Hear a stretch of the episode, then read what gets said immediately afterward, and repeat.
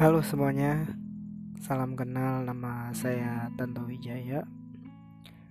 Uh, surat kertas ini adalah podcast yang saya buat semata-mata untuk menyuarakan banyak hal yang belum sempat saya sampaikan.